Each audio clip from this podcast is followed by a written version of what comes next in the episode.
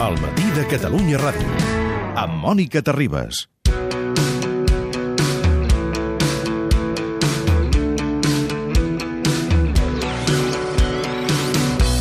I del No hi ha drets a l'informe Xavier Sala i Martín. Ja sabeu que en Xavier d'ençà que vam començar el matí a Catalunya Ràdio, ara fa 5 anys, aquesta és la sisena temporada, ens acompanya per intentar entendre algunes coses que se'ns escapen del dia a dia. Xavier Sala i Martín, com estàs? Hola, molt bon dia. Com ha l'estiu? Molt bé, molt bé, molt bé. Sempre ens agrada molt tenir-lo en directe a l'estudi, perquè quan no està a Colòmbia està a Davos, quan no està a Davos està al Kazakhstan. Sempre voltes, però avui està, ets aquí. Avui el primer dia havia d'estar aquí. sí. Molt bé.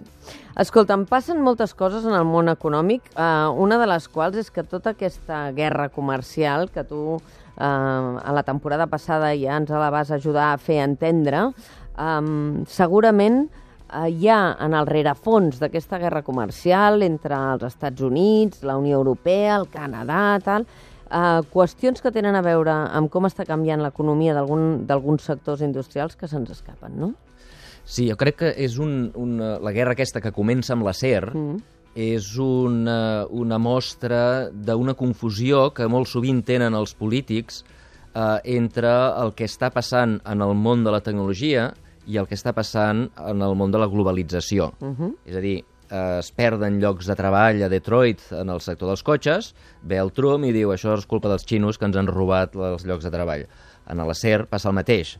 Als anys 50, eh, als anys 40, diguem, eh, després de la Guerra Mundial, el gran dominador de, de l'acer a tot el món, un cop eh, Alemanya i Japó van quedar destruïdes, el gran dominador eren els Estats Units i, i de fet produïen més de la meitat de tot l'acer del món en un moment en el que tots els països estaven I industrialitzant. aleshores no hi havia problemes. Llavors no hi havia problemes. I llavors el que va passar és que eh, els Estats Units es van, diguem, com que eren els grans dominadors, i això és sovint el que li passa als monopolistes, en, els que, en el que les, a la gent que li va les, les coses ja li van bé, és que s'adormen perquè van aparèixer noves tecnologies, eh, eh, sobretot tecnologies europees, una d'elles que eren el, els forns d'oxigen eh, que van inventar els austríacs i que van fer que la producció, si, si abans de, amb la tecnologia nord-americana per produir una tona d'acer es necessitaven 10 treballadors, amb la tecnologia austríaca nova només se necessitava un.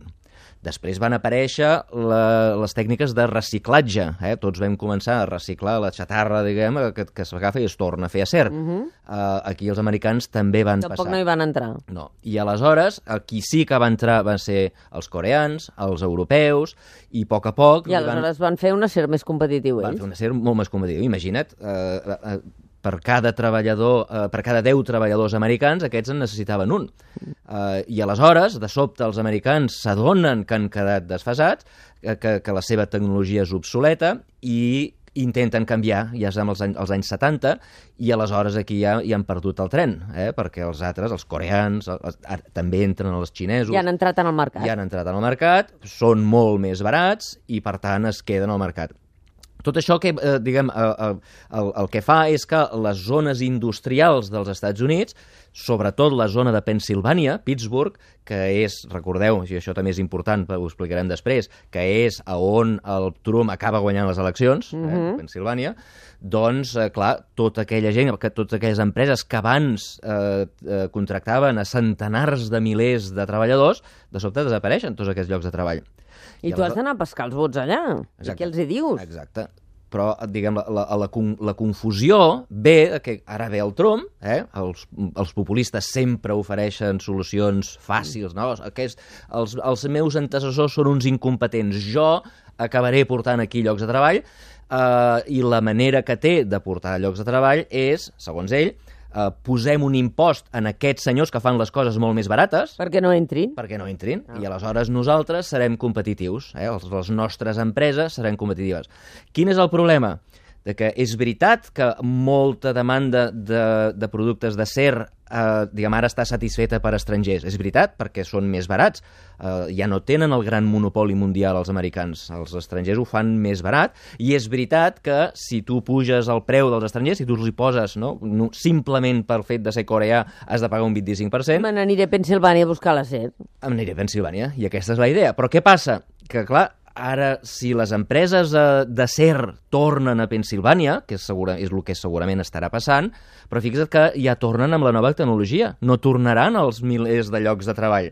Perquè abans... Perquè no seran rucs, Perquè- no, no continuaran produint-lo més car, Exactament, sí. havent-hi tecnologia que ho fa Exactament. més barat. Exactament. Per tant, diguem, diguem encara que recuperin la, diguem, la share, no? el, el percentatge de producció mundial eh, als Estats Units, el que no recuperaran mai seran els llocs de treball, mm. perquè ell està confonent està pensant que van perdre, els, eh, van perdre els llocs de treball per culpa dels xinesos i per culpa dels coreans, però els vas perdre perquè la tecnologia ara no necessita tants llocs de treball. Però, per tant, clar- si tornen, tornaran les empreses, però no tornaran els llocs de treball. I aquest és el gran engany. Eh?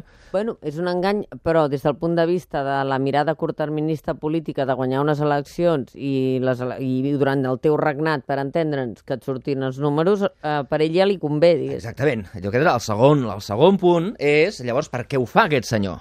Una, una possibilitat és que sigui tonto i no s'hagi adonat de que la tecnologia eh, no acaba... No, diguem, el que ha passat és un canvi tecnològic, que això que explico per la SER passa a tots els A tot sectors, eh? també ha passat amb els automòbils. Eh? Encara que les grans empreses d'automoció tornin a Detroit, no tornaran als llocs de treball, perquè no sé si heu vist últimament una fàbrica de cotxes, escolta'm, eh, Hi ha uns braços i, unes coses, uns braços, fan eh, coses. I, I poca gent, eh? Sí, sí. sí, sí que hi ha treballadors, òbviament hi ha treballadors, però comparat amb els treballadors que hi havia quan Detroit era la capital mundial de l'automòbil, ni parlar-ne. Eh? Per tant, tornaran pocs llocs de treball. Si tornessin, tornarien po pocs llocs de treball. El que passa és que eh, eh, diguem, el fet, si segueixes l'argument, no? s'encareix tot l'acer. Val? Uh, perquè, clar, ara uh, comprarem en els americans que són més ineficients. Si els coreans aconsegueixen vendre, hauràs de pagar un 25% més alt, per tant, el preu de l'acer pujarà. Però aquí no s'acaba la pel·lícula, perquè llavors passa que la pregunta és i què passa amb aquest acer més car? Mm -hmm. Doncs ara ja sabem, ja està passant, ja ha passat, que fabricants de claus, per exemple, estan deixant els Estats Units, perquè dius, clar, si jo em quedo a, tra a treballar als Estats Units, doncs haig de pagar aquest 25%, me'n vaig a Corea i no haig de pagar. I això està passant? Sí, sí, hi han marxat empreses eh, fabricants de claus, fabricants de cotxes. La BMW, que té una, una fàbrica als Estats Units, eh, també diu que ja està a punt de deixar-la perquè ara no és competitiva si l'obliguen a pagar, a, a, a- a pagar la cera un 25% més car. Per tant, es perden altres llocs de treball. Eh? Si realment guanyessis molts llocs de treball, que no els guanyaràs, però si els guanyessis en el sector de l'acer, fixa't que els perdries amb l'altres, amb la Ah. gent que utilitza l'acer. I aleshores la clau, aquí la pregunta clau és el que deies tu. Uh, a on estan els uns i els altres? Clar, amb quina lògica ho fan? El, la, la, els llocs de treball que tu guanyis, per pocs que siguin, seran en uns estats que et voten a tu, i els que es perden són amb altres estats que, escolta'm, són els demòcrates. I si els demòcrates, si, si deixen de votar-me els demòcrates, m'és igual perquè ja no em votaven. Per exemple, a Nova York. Sigui, Nova York, el, el Trump no té res a fer, Califòrnia no té res a fer. Per tant, si els novaiorquesos, eh, eh, com jo, diguem, ens emprenyem amb el Trump, és igual perquè no, no obté cap vot ell a Nova York i a Califòrnia.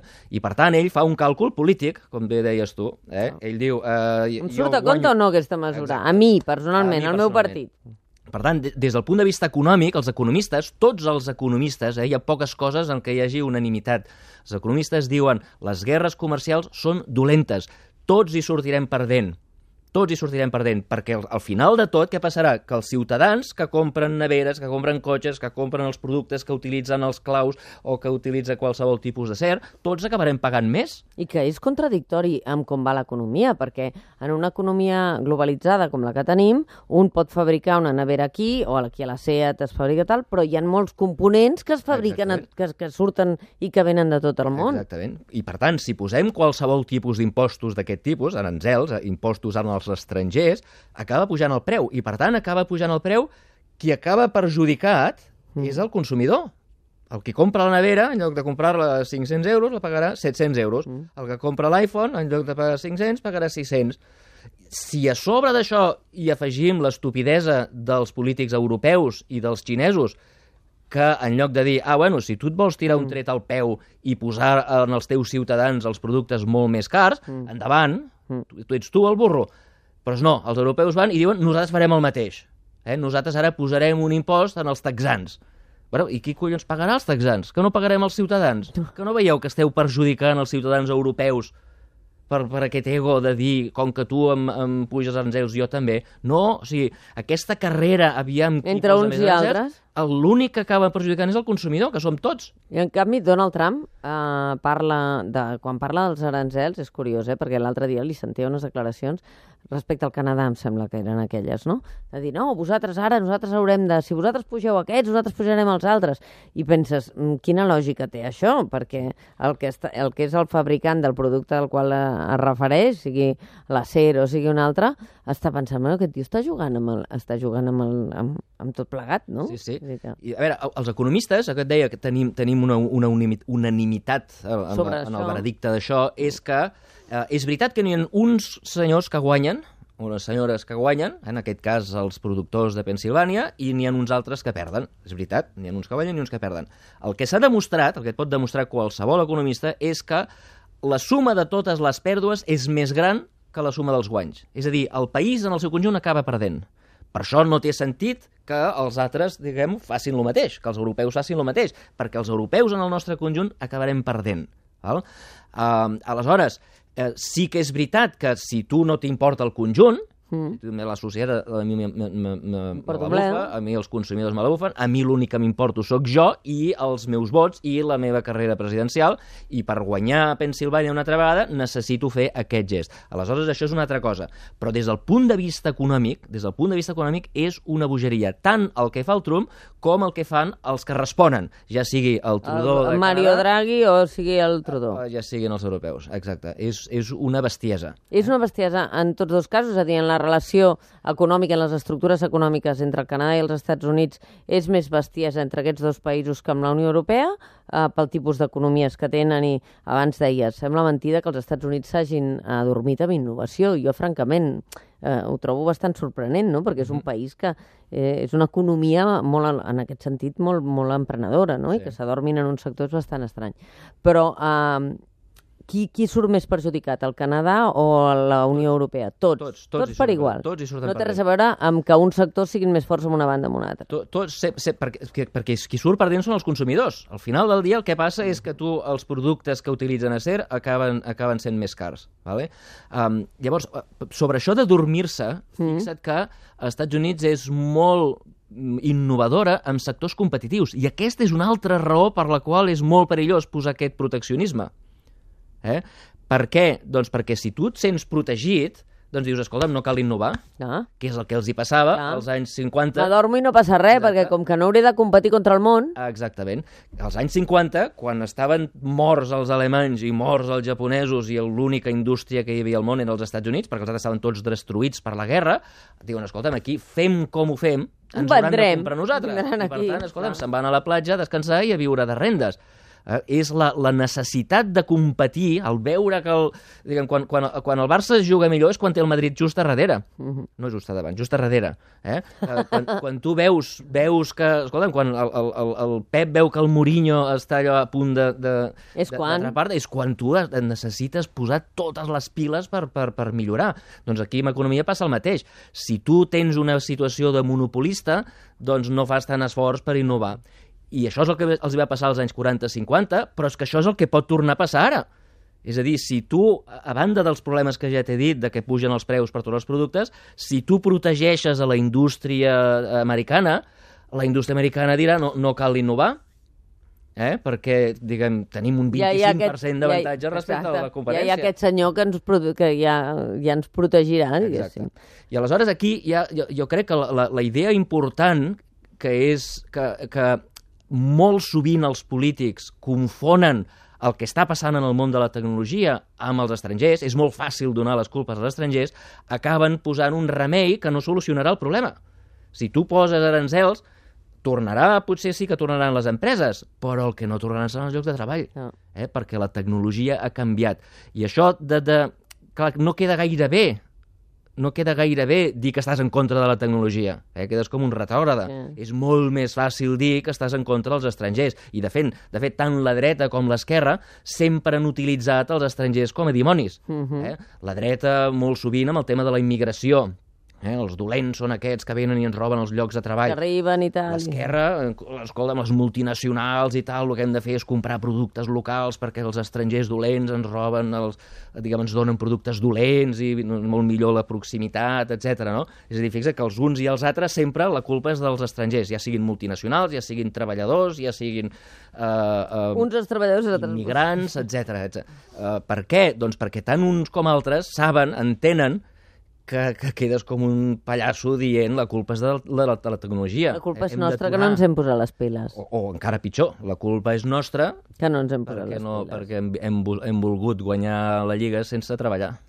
I anem a una altra qüestió parlant de lligues que hem volgut guanyar sense treballar, eh, perquè una de les notícies econòmiques d'aquestes vacances l'ha protagonitzat, evidentment, el primer ministre grec, Alexis Tsipras, qui des de la illa d'Ítaca, precisament, donava per acabada la intervenció financera del seu país aquest 21 d'agost. I vaig pensar, mira que em fa de temps que parlem d'aquesta qüestió, quan torni en Xavier veurem què ens explica. Μια διαδρομή που δεν ήταν ποτέ εύκολη. Aquest viatge no ha estat mai fàcil, però sempre vam tenir una destinació. Fins i tot en els dies més foscos, durant les grans tempestes, des de 2010, Grècia ha viscut una odissea moderna. Τη σύγχρονη Οδύσσιά της. Home, Odissea moderna. Durant vuit anys el país ha sortit del programa d'assistència financera internacional i ha recuperat, podríem dir, la sobirania, si és que la tenim ningú, la sobirania econòmica. Han quedat aquells, la troika famosa, la Banc Central Europeu, la Unió Europea, el Fons Monetari Internacional, però on som després d'aquests vuit anys i què ha significat tot això? És a dir, com ho llegeixes tu, Xavier? Perquè la sensació és que Grècia ha sigut d'alguna manera un banc de proves, no?, de tot plegat. A veure, el... Grècia ha tingut, ha, patit el que podríem dir la, és la tormenta perfecta. Eh? Mm. Ha sigut, el que ha passat ha sigut culpa de molts factors diferents. Uh, la mala gestió dels propis grecs abans de la crisi, la, la mala gestió dels que els han intentat ajudar, és a dir, la, la, la creença aquesta eh, gairebé eh, religiosa de que la- l'austeritat era el camí, de la, de la, era, era, era la solució, la mala planificació a l'hora de construir l'euro, eh, eh, països que han tingut una crisi similar, eh, per exemple, Islàndia, el que van fer va ser eh, devaluar la moneda, Uh se'n la van moneda, sortir. i al cap d'un any tornaven a créixer. Sí, sí. Eh, el, el fet de que aquests estiguessin a dins de l'euro no els hi permetia, perquè l'euro és l'euro, no pots devaluar l'euro grec eh, en relació a l'euro francès, perquè no existeix. T'has enganxat, pillat. i, I, per tant, eh, la mala planificació de l'euro, la mala planificació de la Unió Europea en general, és a dir, si, si aquesta crisi, en lloc de ser a Grècia, hagués passat a Nova York, eh, que diguem, si, imaginem Sí, sí. que els Estats Units d'Europa, diguem, som uns Estats Units, i, i tenim tots la mateixa moneda, el dòlar, eh, doncs hi ha una crisi en una regió del país, eh, què hagués passat? Doncs escolta'm, que el govern federal hagués intervingut, hagués eh, canviat els deutes, hagués fet inversions brutals, hagués fet, no? hagués, eh, tot hagués passat a nivell del govern central.